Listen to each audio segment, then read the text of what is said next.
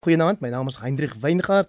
Baie welkom by vanaand se uitsending van Kommentaar waar ek en my paneelgaste die week se belangrikste nuus vir jou in diepte ontleed. Nou die afgelope week het die betekenis van ras weer onder die loep gekom, asook hoe die Joodse mensenslagting beoordeel moet word en laastens die sogenaamde cancel culture of kanselleringskultuur. Dit nou na aanleiding van 'n uitdaging deur die of 'n uitlating liewer deur die bekende Amerikaanse akteur Whoopi Goldberg wat op die ABC program The View gesê het sy glo nie die Joodse mensenslagting het met ras te doen gehad nie, maar dat dit wel 'n uitbeelding was van mense se dehumaniserende optrede teenoor ander mense. Om hieroor te praat het ek die bekende politieke figuur en oud-joernalis Helen Zille genooi, maar die keer in haar hoedanigheid as die skrywer van die topverkoper boek hitsmerk Stay Woke Go Broke Why South Africa Won't Survive America's Culture Wars and What You Can Do About It en dan ook die regsprofessor Loretta Ferris van die Universiteit van Pretoria. Kom ons luister na die gesprek wat ek vooraf opgeneem het en daarna stel ek my paneel vir die tweede segment van die aand aan die woord. Hulle is regter Johan van der Westhuizen, Dr Teens Elof en Dr Piet Kroukamp, maar eers Helen Zille en Loretta Ferris. Kom ons begin met elkeen van julle se oorhoofse mening oor hierdie Whoopi Goldberg uitlating. Helen, jy eers asseblief.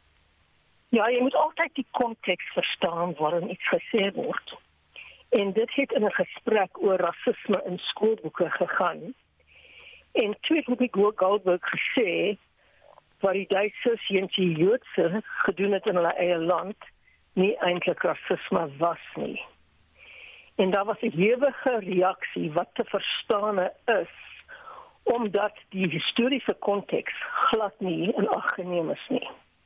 Die historiese konteks is dat die Duitsers om die skuld te gee vir hulle armoede en agteruitgang aan 'n presterende minderheid het gesê dis alles die skuld van die Jode en hulle het hulle uitgebeeld as 'n verskillende ras Het gesê die Joodse ras. En daaroor het dit wel oor rasisme gegaan. Want rasisme bestaan daaruit dat 'n groep vir 'n ander groep beskryf as 'n verskillende ras en vooroordeel en ander onderdrukkende metodes teens hulle gebruik. So in daardie historiese konteks was dit deel van 'n rassistiese poging om 'n minderheid uit te wis. Trouwens het die Jode altyd teen kapsie gemaak dat teen baie sterk ook en gesê ons is nie 'n ander ras nie. Ons is Duitsers, nes julle, maar ons het net 'n ander geloof. Maar die hele punt draai daarom oor hierdie spesifieke kwessie. Daar is talle swart mense wat sê jy kan nie rasisme beleef as jy nie deur ons beskryf word as swart nie. En dit is nonsens. Daar is baie baie ander mense wat ook rasisme beleef.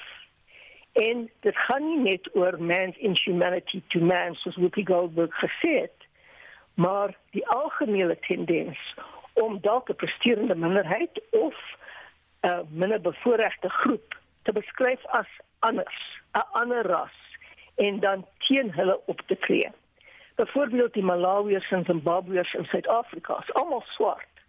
Maar daar's 'n groot vreemdelinghaat, 'n beweging van vreemdelinghaat onder swart mense teenoor hulle as 'n minderheid. En dit kan ook selfs as rasisme beskou word. So dit is nie net een groep mense wat weet wat rasisme is nie. En dit is nie een groep mense wat die monopolie het om te sê ons is die enigste mense in die wêreld wat weet wat rasisme beteken nie. Daar's talle mense wat dit verstaan. En ek dink dis die boodskap wat aan Whoopi Goldberg deur die reaksie oorgedra is. Maar om haar te kanselleer en om haar weg te neem van haar TV skou en alles, is dit dis nonsens. Ek meen sy het 'n mening. Sy mag 'n mening hê selfs al is haar mening kwetsend teenoor ander, mag sy haar mening huldig. En ander mense het ook 'n reg om kapsie daarteen te maak. Dit is 'n demokratiese samelewing. Loretta, hoe het jy hierdie uitlating deur Hoopie Goldberg verstaan? Weet jy, um, ek is baie op dieselfde bladsy as um, as Helen in hierdie geval.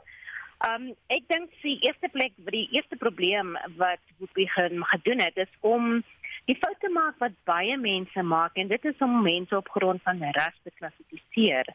En en ras is 'n sosiale konstruk dit is nie iets wat biologies sin maak nie. Dit is hoekom as jy DNA toets doen tussen iemand wat kom ons sê nou op die oog af wit en 'n ander persoon op die oog af swart is, kan jy agterkom dat daar 'n uh, nie groot DNA verskille en, en om die waarheid te sê dat daar dalk geen verskille is. Jy, jy mag sien dat hierdie mense baie na aan mekaar is as dit kom op op op, op hulle DNA.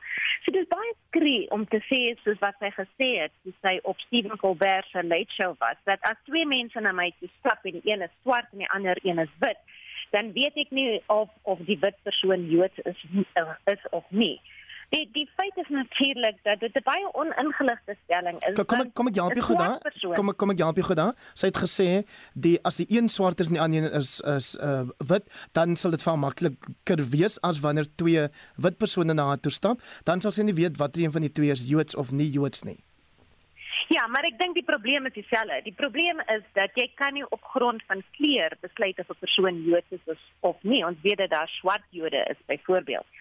Maar So dis die eerste probleem. Jy weet dat sy val in hierdie in hierdie probleem dat dat ehm um, ras iets is wat jy op die oog af kan sien.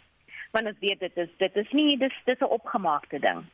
Maar ons weet ook en dit is die tweede problematiese stelling en ek dink dit is wat Helen ook gesê het, is dat die Holocaust gebeur het omdat Hitler die Jode as 'n minderwaardige ras gesien het. En en nie net gesien het nie, maar jy weet hy dis hoekom hy hulle doodgemaak het. So die die die probleem is dus dat ja alhoewel ras 'n sosiale konstruk is daar baie mense wat ras sien op grond van voorkoms en wat besluite maak op grond daarvan en wat besluite maak wat gewelddadige impak kan hê op mense se lewens. Ons praat van die Holocaust, maar ons kan ook praat van die feit dat daar heidaglik in Amerika en ek dink dis miskien die derde rede hoekom mense so ontstel is, is daar 'n hele klomp aanvalle van teistering, van rassehaat, van rassegeweld teenoor Joodse mense en ek dink dit is hoekom hoekom um, daar so hierdie oproer was daaroor. Nou waar ek waar ek ehm um, bietjie wel verskil met Helen is as hy praat van van hoe rasisme homself ehm um, voordoen. En rasisme aan die einde van die dag gaan oor mag. So dit is waar dat dat swart mense het nie 'n monopolie as hulle sê dit ons ervaar rasisme nie. Maar aan die einde van die dag dink ek mense is eh, ervaar rasisme meer of minder op grond van die mate van van van mag wat hulle het al dan nie. So as ons kyk na die hiërargie wat apartheid veroorsaak het in in in in um, Suid-Afrika en jy kyk na waar kom ons sê wit mense sit vis-à-vis swart mense of ons kan self sê kyk na waar mense is wat ehm um, wat Joods is vis-à-vis mense wat swart is.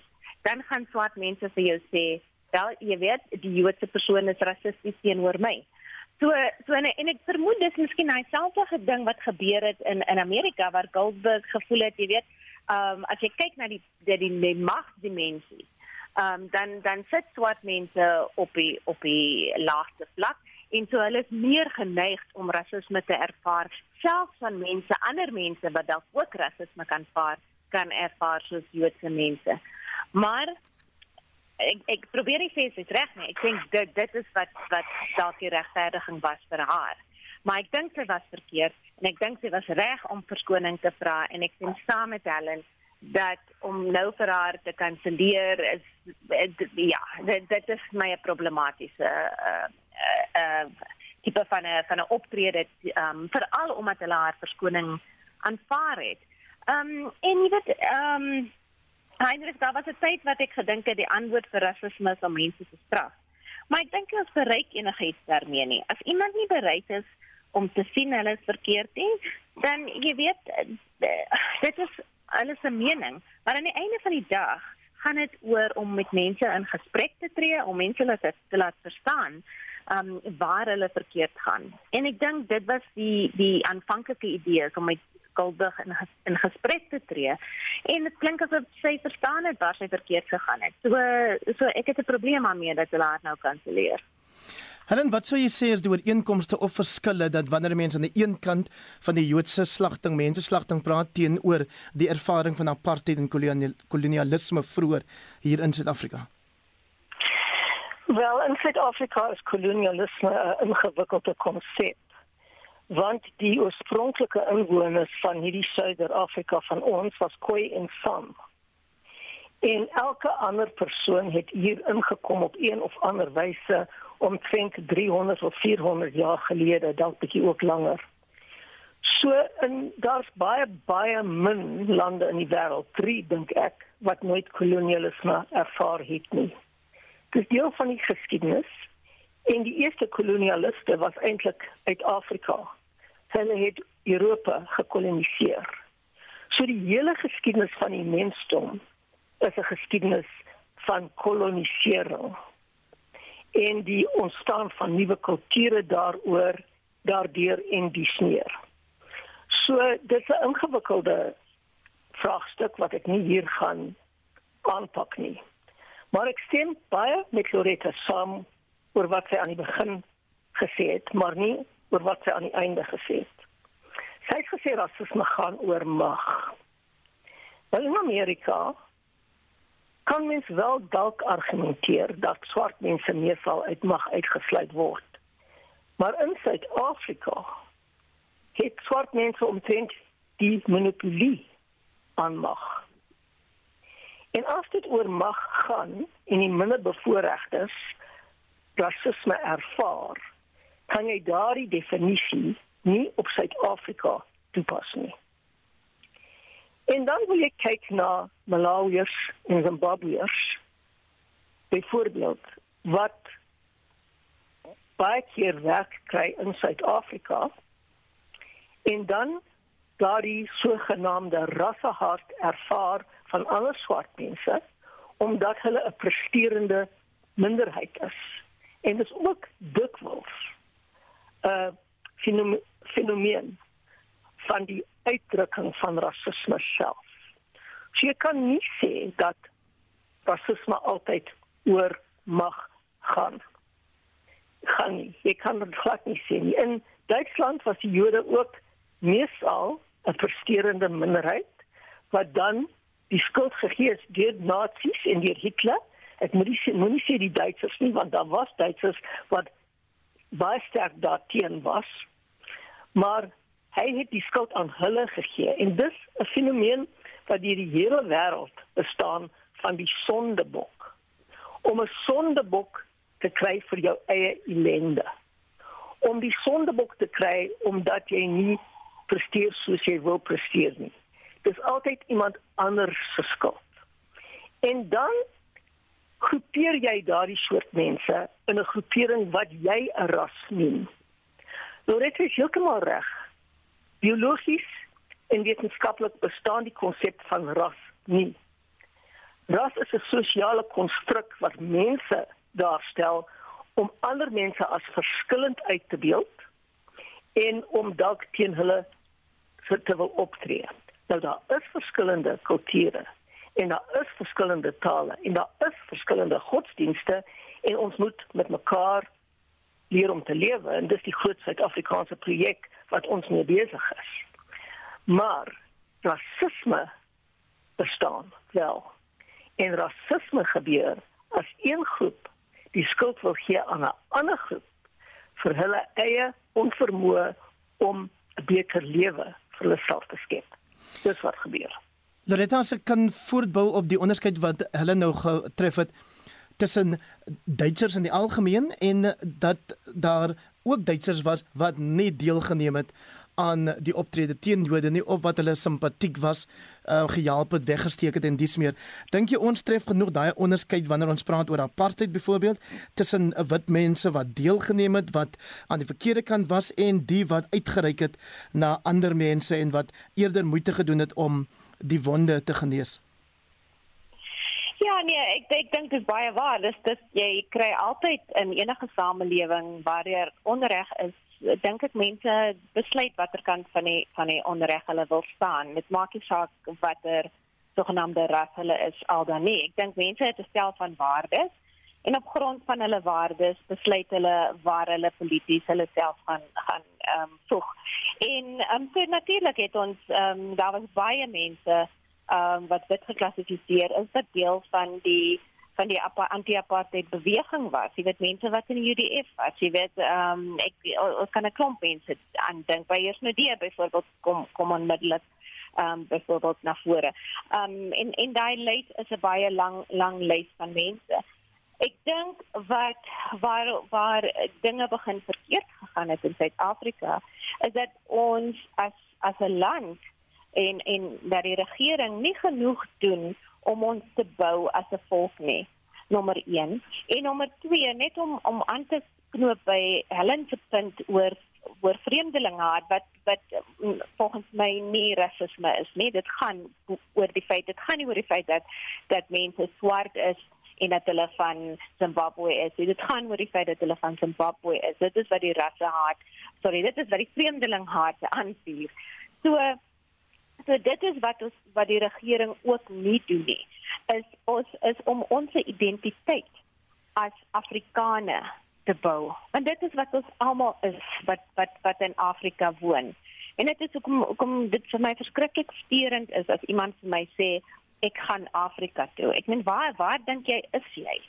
So so dit is die twee goed wat wat ek dink daar 'n groot probleem is is is om om om om regeringsbou te doen en in Mandela het dit probeer doen in die in die vroeë 90 jare net na die demokrasie.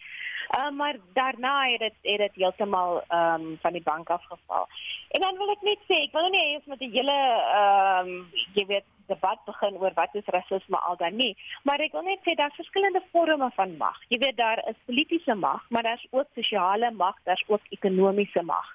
En en ek dink daai die sosiale mag en en ekonomiese magverspreiding sit nog baie by by mense wat wit geklassifiseer is in hierdie land. Ehm um, en en en dit is een van die dinge wat wat ons as swart mense voel aan ons bas, jy weet, ehm um, daai die die die hoe, hard dit is om om 'n ekonomiese om ekonomies vooruit te gaan byvoorbeeld. Ehm um, en dit is hoekom ek sê dit dit is 'n magsprobleem en ehm um, en nie net gewoon ehm um, iets ehm um, jy weet 'n bevooroordeling van een persoon teenoor 'n ander nie. My gaste vanaand in hierdie eerste segment van kommentaar, Loretta Ferris, 'n professor, 'n regsprofessor wat spesialiseer in menseregte van die Universiteit van Pretoria, voorheen van die Universiteit van Kaapstad en saam met haar Helen Zille, hierdie keer nie in 'n politieke hoedanigheid of politieke party hoedanigheid nie, maar as die skrywer van die boek die topverkoperboek hitsmerk Stay Woke Go Broke Why South Africa Won't Survive America's Culture Wars and What You Can Do About It. Ons praat oor die sogenaamde Whoopi Goldberg geval die afgelope week waar sy gesê het sy reken nie dat die Joodse mense slagting uh, met enigsins met ras te doen gehad het nie dat dit gewoon te doen gehad het met mense se onmenslikheid teenoor die ander. En jy het gesê Helen dat jy verskil van van uh, Whoopi in in vele opsigte, maar dat jy glo dit is nonsens om haar te kanselleer. Wat is hierdie cancel culture of noem mense dit nou kansellering of mylband kultuur waarna verwys word? Wel daar is nie verdogma in die wêreld wat sê dit is wat jy mag dink en dit is wat jy mag sê en hierdie ander goed mag jy nie dink en mag jy nie sê nie. En dit gaan daaroor dat in die nuwe woke beskrywing van die wêreld is die hele wêreld se probleem te wyte aan wit mense en veral wit mans. En hulle het die strukture van die gemeenskap, hulle het al die instellings van gevorderde demokrasie daar gestel om hulle eie mag te beskerm en uh, diep wortels te gee in daardie gemeenskap. En die hele woke beweging is daar om dit omver te werp. En dus mag jy nooit enigiets sê wat daardie instellings verdedig nie, wat daardie ideale voorstaan nie en of daardie kultuur enigsins regverdig nie op enige wyse nie. En as jy dit doen, word jy gekanselleer uit die samelewing. En dit is 'n baie wrede manier. Jy word net uitgesluit uit die samelewing. Jy mag nie op enige platform praat nie. Jou jou ehm um, jou deelname in organisasies en klubs en selfs jou werk kan verbeur word. En dit is wat cancel culture genoem word. En dit is absoluut lynreg die teenoorgestelde van vry en oop spraak in 'n demokrasie wat almal geregtig is op hulle eie mening. Nou die een uitsonderlike ding van die Whoopi Goldberg geval is dat sy gesê het sy is jammer as sy ander mense seer gemaak het. Dis wat sy gesê het. En dis wat talle mense sê. Hulle sê dit is hulle mening, maar hulle is jammer as haar mening ander mense seer gemaak het. Nou dit is vir my 'n aanvaarbare apologie in 'n demokrasie. Maar vir woke mense is dit glad nie die geval nie, want jy wys daardeur dat jy nie regtig regtig jammer is nie. So hulle aanvaar nooit apologie nie.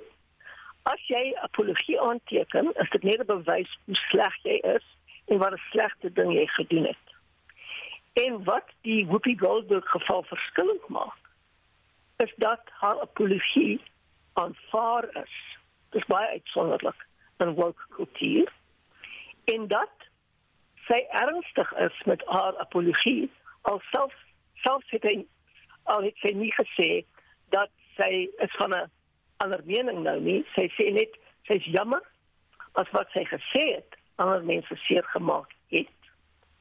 So dis nou vordering in die woke samelewing van Amerika. Heeltemal vordering. 'n Persoon kan jammer sê, dit word aanvaar en jy gaan aan. En dit is hoe dit gaan in 'n volwasse samelewing. En selfs al is 'n persoon nie jammer oor wat hulle gesê het nie, want hulle sê dis die waarheid. Dan moet mens dit in 'n demokrasie kan aanvaar, want daar's geen reg. Hoe genaamd geen reg nie in enige demokrasie om nie te na gekom te voel nie. Jy kry hier in 'n oop gemeenskap. Mense sê dinge wat jou krenk en waarmee jy nie saamstem nie. Dit is die prys van vryheid en dis wat ons moet verdedig. Ons demokrasie Loretta is maar 25 jaar oud, nie 'n volwasse samelewing soos wat die mens argumentshalwe uh sou dink aan aan dink as jy na Amerika kyk nie. Hoe hanteer mense hierdie sensitiewe kwessie, die vryheid van spraak aan die een kant teenoor die seer wat nog vlak lê vir baie mense spesifiek wanneer daar gepraat word oor die ervarings van apartheid en ons hoor mos nou dikwels dat daar mense wat sê jy moet nou asseblief daaroor kom dat ons kan aanbeweeg. Ja, jy sien ek ek het nie heeltemal dieselfde waarde aan vryheid van spraak as as wat Helen doen nie. Um, en en en wat reg ehm um, dieselfde is in Amerika, jy weet daar daar's 'n groot waarde wat geheg word aan vryheid van spraak. Ons het um, meer as een reg in ons in ons handves van menseregte. Ons het 'n groep van regte en ons ons gaan nie uit vanuit die standpunt dat een reg belangriker is as 'n ander reg nie. So so die reg van vryheid van spraak is nie byvoorbeeld belangriker as die reg op mense of mense menswaardigheid nie. Dit is nie belangriker as die reg op gelykheid nie. Dit is nie belangriker as die reg op vryheid nie. En en wanneer jy begin kyk na na regte, moet jy hierdie regte probeer balanseer. En een van die maniere waarop hulle ons hulle balanseer is deur te sê enige reg het perke. En en so dit is dieselfde vir vir vryheid van spraak. Daar is perke van vryheid van spraak. Jy kan sê wat jy wil, maar daar is 'n perk. En en daai perk kom 'n goeie voorbeeld is haatspraak is een van die belangrikste perke wat gespat geplaas word op vryheid van spraak. So kom ons kom ons sê byvoorbeeld iemand sê, ehm um, ek ek ehm um, ek dink Jode is is minderwaardig. Dit is dit dit is jou reg om dit te sê. Maar kom ons sê jy sê ek dink Jode is minderwaardig en ons moet hulle doodmaak. Né? Nee? Ehm um, dis haatspraak. En en die, en die grondwet is baie duidelik daaroor dat jy sopas dan jou jou regte vryheid van spraak oorskry het. Want dit gaan oor oor mense se reg op op ehm um, op veiligheid, dit gaan op mense se reg tot minderwaardigheid. So so so ons moet nooit dit ver, uh, vergeet nie. Jy weet dat dat daar dat, dat daar nie een reg is wat wat sterker is as 'n ander reg nie. Wat ek wel ehm um, meer saamstem is dat die die die kanselleerkultuur het 'n probleem geword. Kyk, dit het begin um, omdat daar mense is, jy sit kom terug by hierdie hele idee van van van mag en en die idee van magteloosheid. En die cancel culture het, het begin in Amerika deur spesifiek deur African Americans wat wat ehm um, dit is aanvanklik jy weet was dit 'n call out wat jy net mense jy weet aan aan jy aan aandag trek op die feit dat dat mense iets gesê het wat problematies is. Maar en toe dit oorgegaan na cancel culture is wat amper 'n tipe van 'n boikot is, né? Nee? Soos wat ons in die ou anti-apartheid daar ehm um, boikotte gehad het. So ehm um, en dit is omdat hulle gevoel het dat die enigste mag wat ons het is hierdie hierdie hierdie ehm um, die die mag om om mense te kanselleer. Ehm um, maar soos ek jou gesê het, ek dink nie dit is die beste manier om om gemeenskap te bou met met mense wat wat nie dink soos wat jy dink nie. Om hulle te kanselleer, om hulle om 'n mailband om jy weet om hulle te sit. Dit gaan nie help dat ons op die ou ende nader aan mekaar kom nie. Al wat dit doen is is dat dit ons verder van mekaar afdryf. Ehm um, maar jy weet dit is alles relatief. Jy weet ehm um, gaan jy iemand wat ehm um, 'n vrou verkragt en doodmaak sê o oh, jy weet um, ons moet praat met hierdie persoon nie. jy weet so, of self kom ons gaan terug na rasse. Iemand wat bereid is om om om 'n Joodse persoon dood te maak omdat hy glo dat Jode minderwaardig is. En dit is 'n persoon wat jy gaan sit in 'n gesprek mee tree, nee, dis 'n persoon wat jy straf. So ehm um, so ja, dit is dit is nie alles wit en swart nie. Ek dink daar's baie grys in in hierdie gebied. Ons tyd is nou verstreke Helen, maar ek wil tog vir jou vra of jy dink ons behoort enige verwysing na ras te kanselleer in Suid-Afrika se openbare diskurse. Nou ek wil eers op Loretta antwoord wat sy reg dat daar is fight van spraak, maar dit is baie duidelik uiteengeset in die grondwet. En jy kan enigiets sê tot tyd en wyl jy geweld teen ander mense voorstaan. En dit is haarspraak. En daar's ook defamation, laster, jy kan nie 'n ander persoon belaster nie. Maar die reg op vryheid van spraak is die grondliggende wet. Die grondliggende reg van enige grondwetlike demokrasie omdat dit die die grondliggende beginsel is van vordering in die geskiedenis. Dink mooi daaraan. Elke groot stap vorentoe in die geskiedenis het daaroor gegaan dat iemand die moed gehad het om op te staan teen die oorheersende idees en waarhede van hulle tyd. Galileo Galilei byvoorbeeld, Martin Luther. Hulle het almal opgestaan en hulle het hulle mening uitgespreek al was dit absoluut onaanvaarbaar vir hulle gemeenskappe. En dus is die reg op vryheid van spraak die grondliggende reg in 'n grondwetlike demokrasie. En daardeur mag jy ander mense seermaak. Al sê jy jammer ek het jou seer gemaak, maar dis my mening. En dis die grondliggende reg, maar dit eindig waar jy geweld aanhet teenoor ander mense. So dit is dit baie mooi verstaan word in die hele konstitusionele konteks. Goed. Dis 'n reg waarmee jy nie mag peter nie behalwe as jy geweld voorstaan teenoor ander.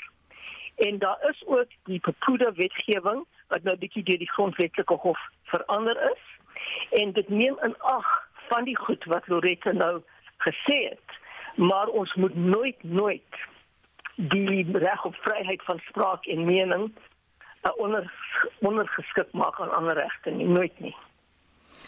Loretta, uh opsommende laaste opmerking van jou asseblief?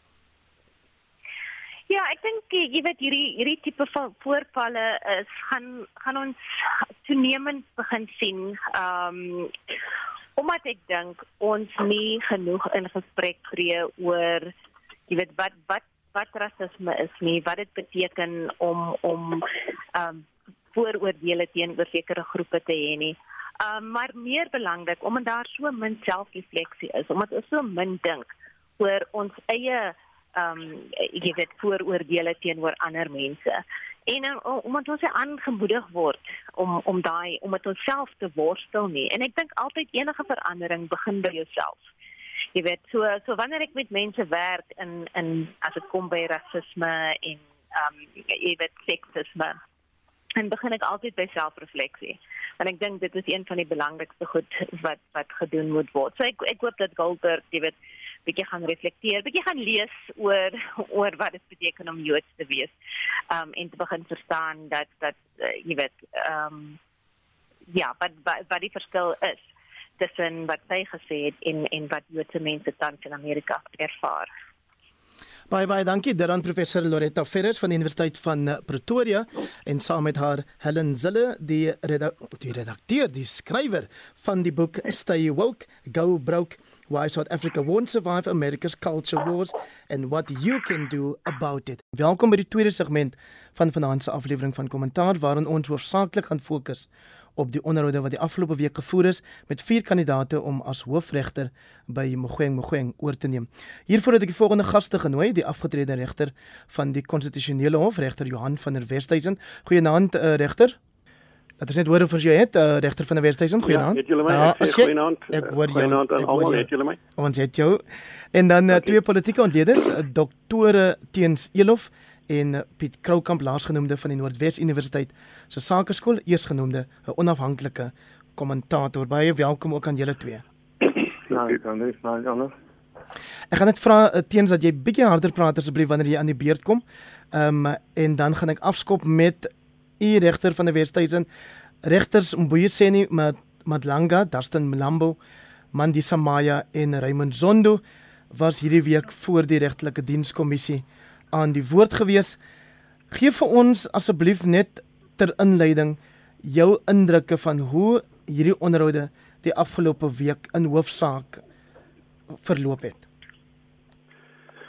Ja, in die eerste plek dink ek net dit is natuurlik bekend en ek weet nie of ek dit hoef te herhaal nie, maar die president het die proses 'n bietjie omgekeer. Die grondwet sê die president moet 'n uh, hoofregter aanstel nadat gekonsulteer is met die regterlike dienskommissie in die verlede soos in Gwengse geval byvoorbeeld nomineer die president en dan is daar daar lange onderhoud met hierdie een regter en ongeag bykans ongeag hoe swak of hoe goed hy ehm um, oorkom die president het reeds besluit so tensy daar nou 'n groot skande uitkom gaan dit dan in elk geval maar net deur. Nou in hierdie geval het die president die prosedure omgeswaai hy het gevra vir nominasies dit deur 'n voorlopige komitee gegaan het. Uiteindelik is vier persone uh, onderhoude mee gevoer. Ons sien nou vandag in die koerante dat die uh, kommissie wel vir regter Mandisa Maya aanbeveel het. Ek hulle het nie 'n voorkeurorde van 1 2 3 4 gegee nie. Hulle het vir die president gesê hulle dink sy moet aangestel word. Dit sal baie moeilik wees vir hom om dit nou nie te doen nie. Hy kan steeds, maar ek dink hy gaan baie moeilikheid kry om te verduidelik waarom indien hy op iemand anders besluit. Ek sien in die koerant, ek het nie die onderhoude almal van hulle volledig gevolg nie, maar ek sien daar is baie kritiek op hoe sommige van die onderhoude verloop het. En die kritiek is waarskynlik ehm um, geregverdig. Ehm um, byvoorbeeld die die aanval uh, deur Dali Mpofu op op regter Mulambo wat iets genoem het van gerugte van seksuele teistering. Ek dink uh, as ek nou mag sê tussen ons gesê dit sluit al die baie luisteraars in wat julle het. ek dink Dali en Polfo is dikwels ek het dit al geskryf ook uh sy optrede is dikwels 'n voorbeeld vir jong regsgeleerdes van hoe mens nie moet argumenteer nie. Dit is 'n baie basiese reël in die regsprofessie dat as jy byvoorbeeld iemand in 'n hof kruis verhoor, jy kan nie sommer net op 'n op 'n visvang ekspedisie gaan nie. Jy kan nie vir 'n persoon sê, maar was jy nie die daai aand dronk? As jy nie 'n getuie iewers het wat gaan kom sê dat die persoon dronk was nie. So om vir hom te vra waar dink jy kom die gerug vandaan? uh dat jy mense seksueel iemand seksueel getuister het. Ek Malambo moes geantwoord het nie, ek weet nie, dis jy wat dit noem, waar dink jy kom die gerig vandaan? So daardie soort geveggies en so voort is onbetaamlik dat hierdie prosedure ehm um, baie jammer gemaak. Ek sal later meer sê oor die spesifieke kandidaate as jy wil om die hele ding te gaan tersyde stel, dis wat ek sien sommige organisasies wil doen. Dink ek nie gaan veel meebring nie. Ehm um, hulle gaan waarskynlik op dieselfde besluit uitkom en ek in die besluit hulle hulle aanbeveling is nie noodwendig ongewild nie. Die instelling die regterlike dienskommissie self is 'n baie goeie ding. Maar nommer 1 daar is dalk te veel politici daarop. Dit was tydens die onderhandeling van die grondwet ehm um, is is daar baie oor gestry. Maar dit gaan oor die persone wat daarop is uh, as ons nie meer meer verantwoordelike waardige opregte regsgeleerdes en ander kry as mense soos Mpofu en meneer Malema nie dan gaan dit maar altyd 'n bietjie van 'n sirkus wees. Maar kom ek laat dit vir eers daar. Ek sal later meer sê as jy oor spesifieke goed iets wil weet. Dankie. Verseker, teens een of jou indrukke van hoe die proses verloop, die dele wat jy gevolg het en uh ook dan van die reaksie wat jy dalk raak gelees het tussen Vrydag en vandag. Nou ek ek stem in breë met met Johan saam. Ehm um, ek dink ons moet ook sê dat daar 'n swempie van van uh, vermoede is dat uh, die president nie 'n besluit wil neem nie dat hy liewer met die regterlike dienskommissie die besluit neem en dan kan hy eintlik nie daarmee verskil nie. En ek stem saam met baie moeilik om verskil. Uh, ek dink daar was baie politiek uh, en ek dink die gedrag van uh, Malema en Pofu was net onverskoonbaar. Dit, dit is uh, dit is eintlik uh, amper grens aan lasterlike. Ehm um, so ek ek dink ek stem saam die regterlike dienskommissie is 'n goeie instelling, maar sy samestelling en spesifieke individue daar wat dit met 'n bietjie uh, aandag kry. By die, by die vier regters betref uh Hendrik ek ek, ek nie weet ek ken hulle nie almal goed genoeg nie. Ons ken almal regters wonder goed wat ons dan baie maal gesien. Ek het 'n paar uitsprake van regter van Lambe gehoor. Uh, ek het ook van regter Maya en of twee uh, opsommings gelees. Ek ek vermoed dat regter Malanga uh, sy ouderdom dalk teen hom kon getel het. En dan is die dan is die drie wat oorbly regter uh, regter Maya het vir my oorgekom as as eerlik as humoristies as uh, oop. Uh, so ek ek kan nie oor hulle hulle regspraak uh, jy weet iets sê nie. Ek dink uh, dis waarskynlik enige van daai drie en en, en regter Madanga bloot net oor sy ouderdom. En maar enige een van daai drie sou wat my betref goed gewees het. Uh, en ek dink dit sal ek loop ons kan uh, ons kan 'n nuwe blaadjie omslaan met 'n uh, met 'n nuwe regter. Piet Kroukambi se SMS van Mike en Brit wat sê Ramaphosa se voortdurende weifeling en ontduiking van moeilike besluite is die rede vir die afgelope week se totale gemors by die RDK. Almal het dit sien kom. Deel jy daai mening dat die president eintlik op 'n manier hier nie sommer self 'n besluit wou neem nie en eerder vir die RDK gevra het soos wat dit klink teens en regter van die Westhuizen sê dat laat julle die aanvoerwerk doen en dan kom ek agterna. Wel, dit, dit mag moontlik so wees maar dalk ook nie maar ek moet net sê dat dit is die eerste keer wat die uh, regterlike dienste kommissie in 'n sirkus ontaard het. Daar's verskeie kere in die verlede en dit het ook uh, van tyd tot tyd in plek plek gebeur voordat Julius Malema daar was en en Dalium Pof. Uh, ek dink daar was in, in die verlede al vrae gevra oor die samestelling. Ek dink die regter het verwys na die politisie bedraap is. Uh, jy was onthou toe uh, Ramaphosa daar was en Jeffrey Debe was dit net so sirkus van twee individue met 'n politieke agenda met 'n ideologiese agenda wat dit ook baie moeilik gemaak het om uh, die kredietwaardigheid van die uh, regterlike dienste kommissie op 'n manier uh wil gedenkings hou. So dit is dit is nie die eerste keer nie. Die vraag is hoe die president uh die die bal uh gespeel in die rigting van 'n instelling weer eens om deur 'n proses en 'n prosedure tot 'n konklusie te kom wat hom op 'n manier uh vrywaar van verantwoordelikheid vir wat hy ook al mag wil besluit. Dis moontlik so die president het consistently het, het hy daai werkswyse om niemand nou hy sal sê maar ek demokratiseer die proses. Uh, dis dis nou baie beter as 'n organisasie of 'n instelling waar daar 'n reinigingsproses as 'n ware in binne plaas vind en dan tot 'n konklusie kom en ek dan net die konklusie tot wasdom dryf wie die aanstelling te maak. Hy sê maar dit dit klink in in in 'n in 'n goeie stelsel waar dit waar dit behoorlik werk, waar die regterlike dienskommissie behoorlik werk, waar die voorsitter sy werk doen. Ek dink 'n groot deel van ons probleme is by die voorsitter gewees. Dit is ongelooflik hoe van die kommissarisse weggekom het soos uh, Malem hulle wegkom het met goed wat eenvoudig die, die voorsitter nog sê jy kan nie dit doen nie. En hy kan dit nie 10 minute later of 20 minute later doen of met 'n lang breek doen en sê sorry maar daai deel moet ek nou verwyder uit die rekord uit nie. Hy moes op daai stadium het gesê dit kan jy nie sê jy kan nie nou op 'n vis ekspedisie gaan as dit regtig vir die Westelike nou gesê het. Maar dit dit, dit is baie baie swak uh, voorsitterskap. Maar of die president nou besluit het dat ek probeer om 'n bepaalde werkwyse te, te voer om uiteindelik tot 'n konklusie te kom al dan nie. Ek dink nog steeds dat ek sal nie verbaas wees en ek uh, vat nou wel 'n raaiskoot as die president uiteindelik vir Danson Mlambo aanstel en dat hy eenvoudig sê maar dit is die uh, konklusie waartoe hy kom. Hy het die volle reg om tot daai konklusie te kom. Uh dit is baie duidelik dat uh, Maya so goed is wat sy is dat sy die produk is van 'n bepaalde keuse van 'n politieke ideologiese faksie binne die uh binne die uh, regterlike dienste kommissie. Maar jy moet onthou daar's net 10 politici daar die die wat die, die wetgewers uitkom. Uh met ander woorde daar was soveel van ander mense wat normaalweg op regter dienste kommissie sou gesit het wat natuurlik saam met hulle gestem het want ek neem aan hulle het met 'n meerderheidsbesluit uit die konklusie gekom dat Maya die beste kandidaat is. Nou gaan ons die gesprek bietjie ehm um, wat sê mense die die tempo bietjie ehm um, bespoedig dat ons by jou paar vrae kan uitkom. Regter Johan van der Westhuizen, die vraag is ook gevra of Suid-Afrika gereed is vir 'n vroue, vroue hoofregter en jy skryf in jou artikel vandag in rapport dat regter Maya was toevallig of dalk nie toevallig nie die keuse van die ANC se parlementêre caucus. Ehm um, jy vermoed nie dat hier kaderontplooiing aan die gebeur is nie.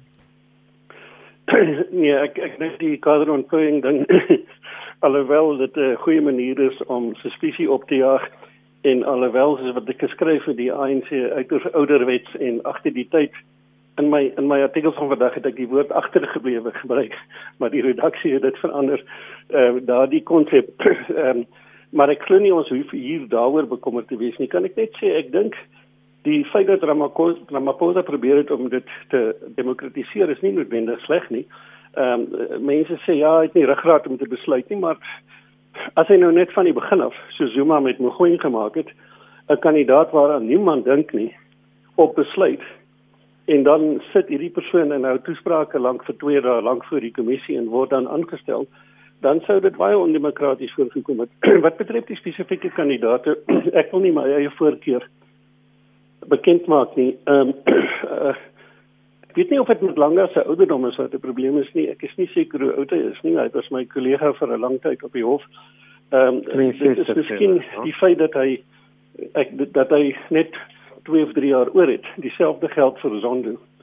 Vir Matlanga se intellek, Mbuyiseli Matlanga se intellek en die intellektuele gehalte van sy uitsprake en sy onafhanklikheid het ek geweldig baie respek da byvoorbeeld die uitspraak destyds oor die DA se SMS waarin gesê is dat die Nkandla verslag van die openbare beskermer wys hoe dat Zuma jou geld gesteel het was hy die enigste van my kollegas wat bereid was om met my alipad te gaan om te bevind dat die ver, die vermelding van die begrip diefstal nie vals is nie binne die konteks van daardie tyd.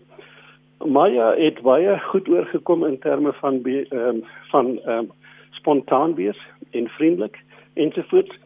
Ehm um, ek ken haar, sy is 'n sagte en en en hoffelike persoon. Uh, twee klein goedjies wat daar 'n bietjie dalk klaar is. Ach, ek weet nie of dit ideologie is of wat nie, maar geld nie noodwendig net vir haar nie, maar om in te gaan en te sê stel moet my nie aanstel omdat my 'n vrou is nie. Stel my aan omdat ek die beste is maar dan te sê al die vorige kere wat ek nie aangestel is nie toe Zondo en Collap en Bome verkies is ehm um, was dit 'n terugslag vir vrouens. Ehm um, ek het effens 'n logiese probleem daarmee. As julle my aanstel, is dit omdat ek die beste is. As julle my nie aanstel nie, is omdat julle nie van vrouens hou nie. Uh die die gerugte wat ek uit media geleer het, nie van die kant van die hof of die regering of enige iemand gehoor het nie, vroeër is dat die minister wel vir Dunstan Mlambo verkies. Uh op grond glo daarvan dat sy administrasie baie goed is. Ek kon dit nie mooi verstaan nie. Ek was 'n bietjie versigtig. As 'n mens goeie administrasie bo 'n uh, uh, sterk intellek verkies, ehm um, wat my aanbetref is die eerste en belangrikste vereiste in hierdie moeilike dae. Na Mogoeng Mogoeng se tyd in die lig in die lig van minister Sesulu en ander se se aanvalle en by the way hulle haar aanvalle mag nou sommer net populisme wees maar daar is akademies 'n sterk stroom van denke in daardie rigting. Ek dink ons het 'n hoofregter nodig wat in die eerste plek intellektuele leiding moet kan gee bloot by wyse beide by wyse van uitsprake die lei van gesprekke op die hof toesprake ensovoorts voort en daarna kom ons by goeie administrasie en al die ander voorbeelde ons het nie 'n IT spesialist nodig nie of 'n hoofklerk nie, maar 'n 'n konstitusionele filosoof. Ehm um, Andri, as dit behalwe sy regter nou impliseer dat Lagbo uh eh, sy intellek is uh, in cinema nie is is inferieur te Maya en Langa en selfs Zondo. Ons probleem in Suid-Afrika is juist die administrasie van die regsproses. Dit is absoluut chaos die administrasie van bepaalde dele van die regsproses. Ek dink nie ek moet dit sê nie uh, van die uh, kandidate in hulle gesprekke en hulle onderhoude het gesê dat daar groot chaos daar is. So behalwe as as as 'n mens kan 'n refleksie werp op Lambo se intellek en ek ek ek het ook nêrens gehoor dat iemand gesê het dat hy verantwoordelik is vir swak regspraak nie of dat daar twyfel is oor sy intellek nie. So dit is mens kan amper nie die administrasie van ons howe sekondêr stel nie want dit is 'n groot deel van ons regspraak word juis verskriklik sleg en negatief beïnvloed as gevolg van die swak administrasie van die howe Wil jy daarop reageer, regter? Ek het geen refleksie op enigiemand van die vier se intelligensie nie. Ek Goed. sê bloot dat Madlanga se intellek is is baie bekend en dit was in verskeie koerantartikels met verwysing na die kommentaar van regspraktisyns ensovoorts. Ja. So Kom. of hy nou of die president sal sê dit is baie onwaarskynlik dat hy sal sê ek gaan nie vir eh, 'n uh, vrou vat nie omdat die ander man dalk beter administreer is. Uh ongelukkig lyk dit my uit die koerantberigte asof beide Zondo en en Lambo ehm se probleem was dat hulle nou beskou word as polities verdelende karakters. Dit is baie jammer as dit so is. Dit is nie 'n faktor wat juridies gesproke ter sprake behoort te kom nie. Enige iemand wat sterk onafhanklike uitsprake gee, sal op 'n stadium omstrede wees. Maar dit is seker faktore wat polities in ag geneem word dat mense 'n hoofregter verkies wat eenheid kan meebring eerder as uitgebeeld kan word as deel van een of ander faksie of uh, wanneer die gevegte veral wat in die ANC aan die gang is. Teens Elof uh, regter Johan van der Western se naam het ook ter sprake gekom 'n paar keer dit met verwysing na die tanende getal wit Afrikaanse mans of wit mans in die algemeen op die regbank op die konstitusionele hof se regbank. Wat maak jy van daai kwessie um, as ons net bietjie weg kan beweeg dan nou van die geslagskwessie af? Kyk, die grondwet ehm um, sê op twee plekke, drie plekke dat die ons dat die samestelling van die staatsdiens, die samestelling van die regbank uh, en die samestelling van die kommissie vir uh, kunskultuur en godsdienst moet breedweg ehm um, die rasse demografie praat nie gebruik nie as woord nie maar die bevolking 'n demografie demografie speel. Dis baie ver van die ANC se 80992 formule af. Maar goed, uh, ek dink dis goed dat dit bietjie uh, na vore gekom het in van die regter se onderhoude, maar ek vermoed dat dit nou net daarby gaan bly. Ek dink uh, die uh, die uh, die institusionele magte in die land uh, bly by die uh, vir Afrikanisering van baie instellings uh, so hulle bly nie by die 80 van van Africans wat hulle behoort te bly selfs vir ons hulle ideologie nie. Hulle gaan verder as dit. So ek dink dit is dit is so maar ek nie baie hoop dat dit maklik gaan verander nie. Daar is daar een of twee wit vroue regters wat dit gaan maak een van. Ek het weer daarom op 'n op, op die hooggeregshof vlak is daar nog 'n paar maar op die hoogste hof uh die grondwetlike hof en ook hier op hof is, is dit maar dun gesaai en ek aanvaar dit maar gewoon uh, met gelatenheid amper want dit is nie van die van die eerste party se ideologie en ek dink dit is ook al waar ek net ek het gesê het dat ehm um, die grondwetlike hof bevoel is wat my betref was nog altyd uitstekend onafhanklik in alle uitsprake behalwe as dit gaan oor rassetransformasie. Dan sal hulle net seker deel van die ideologie van die van die nog van die eerste klas. Uh, so ek ek uh, dink dit is goed dat dit genoem is, maar ek uh, dink ons sal ons asem lank moet ophou as ons dink daar gaan iets aan gevang kom. So jy beskuldig nog nie regters in jou artikel op netwerk 24 die afgelope week met die opskrif is SA op pad na 'n rampokker staat nie, maar jy noem wel dat rassetransformasie na skaderontplooiing deelers van 'n toksiese mengsel wat daartoe gelei het of lei daartoe dat Suid-Afrika 'n mislukte staat is. Ja, ek het gesê mislukkende staat. Ek dink nie ons is 'n mislukkende dan. Ja, ek vra verskoning. Ja, wat ek maar eintlik gesê het, ek het gesê dat die die feit dat die besondere kommissie bevind het dat dat die feit dat die ANC se uh, ontplooiingskomitee die uh, direksies en hier en daar bestuur bestuur van staatsbeheer entiteite goedgekeur het en aanbeveel het en verkies laat kry het aangestel het by uh, is dit is, is, is gelei tot 'n mislukkende staat. Dit is wonderlike woorde, uh, nie my woorde nie. Uh, maar ek ek het tweedens net gesê ongelukkig laat dit die hele kwessie van regters wat bespreek is, laat dit baie goeie regters uh, ook uh, skade lei. Ek sien dat daar word nou skade weer oor hulle oor hulle gewerk. Asof hulle dan nie uh, onafhanklik sou wees. Ek dink daar's baie goeie en baie onafhanklike regters, ook swart regters in die stelsel. Die punt wat ek eintlik gemaak het hierdie is dat ek het 'n bietjie gaan navorsing doen soos almal oor kaderontplooiing. Dit is waar dat dit op baie lande in die wêreld word baie keer iets anders genoem maar gebeur dit maar. Uh, ek dink Amerika die aanstelling van regters daar is 'n kwaliteit bedekte partytjie proses. Maar dat in Suid-Afrika dit nie die effek ge sou gehad het as dit net daarby gebly het nie.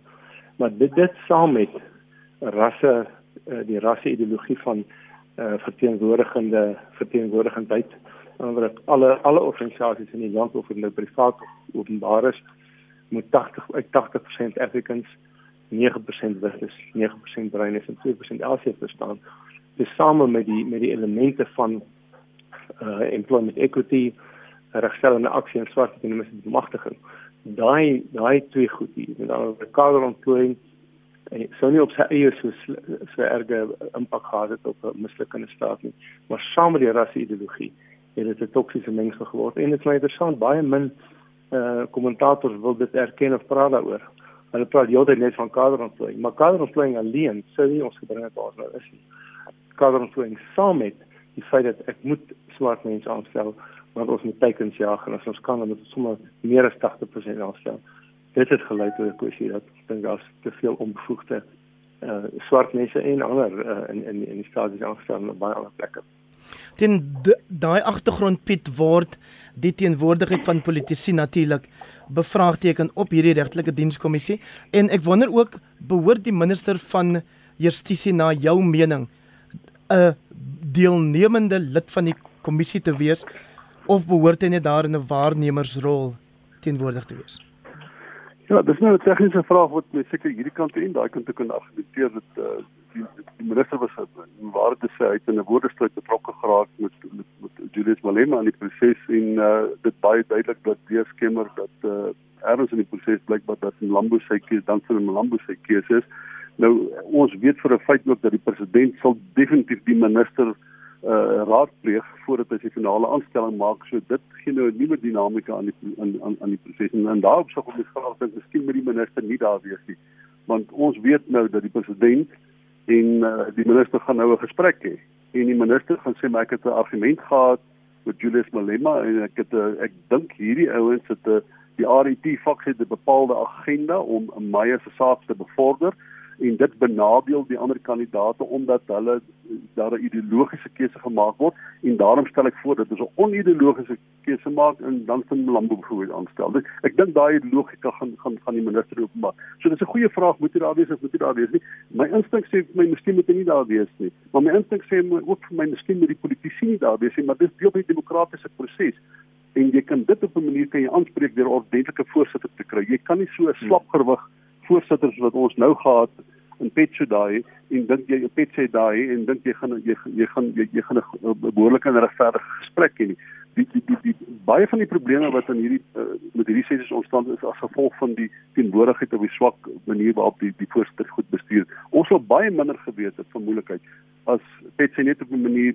die die die die reëls en regulaas behoorlik neergelê en van die begin af verduidelik het wat presies is die die dit wat ons voorstel die finale keuse moet moet moet uh, moet determineer. Wat is die reëls en regulasies? Waarna kyk ons spesifiek as ons as ons uh, was ons opinie wil handhaaf oor oor wie moet die volgende regter wees? Maar die ander belangrike ding is ek dink dit was dit het uh, uh, los en night ook vandag gesê onthou net uh, hierdie komitee kan nie vir die vir die president sê jy moet uh, Madisa baie aanstel nie. Hulle kan net 'n aanbeveling maak. So en hulle kan waarskynlik nie 'n spesifieke aanbeveling maak nie. Hulle kan maar net sê ons het die gesprek gevoer. Hier is ons wat ons wat ons opinies oor wat al gebeur het daar. So ek dink dit dit dit gaan meer uh, daar daar is 'n groot komplikasie as net die feit dat uh, die soos die regter gesê het die president die proses omgedraai het. Dit het ook nou gebeur dat die komitee of die kommissie het nou bepaalde regte op homself geneem wat hy nie noodwendig in terme van die grondwet het nie. Kan ek 'n mening kry? Ek weet die regter van die Westes het gesê hy wil nie oor spesifieke kandidaate praat nie, maar eh, kom ons hoor wat sou jy in 1 minuut antwoord op hierdie vraag?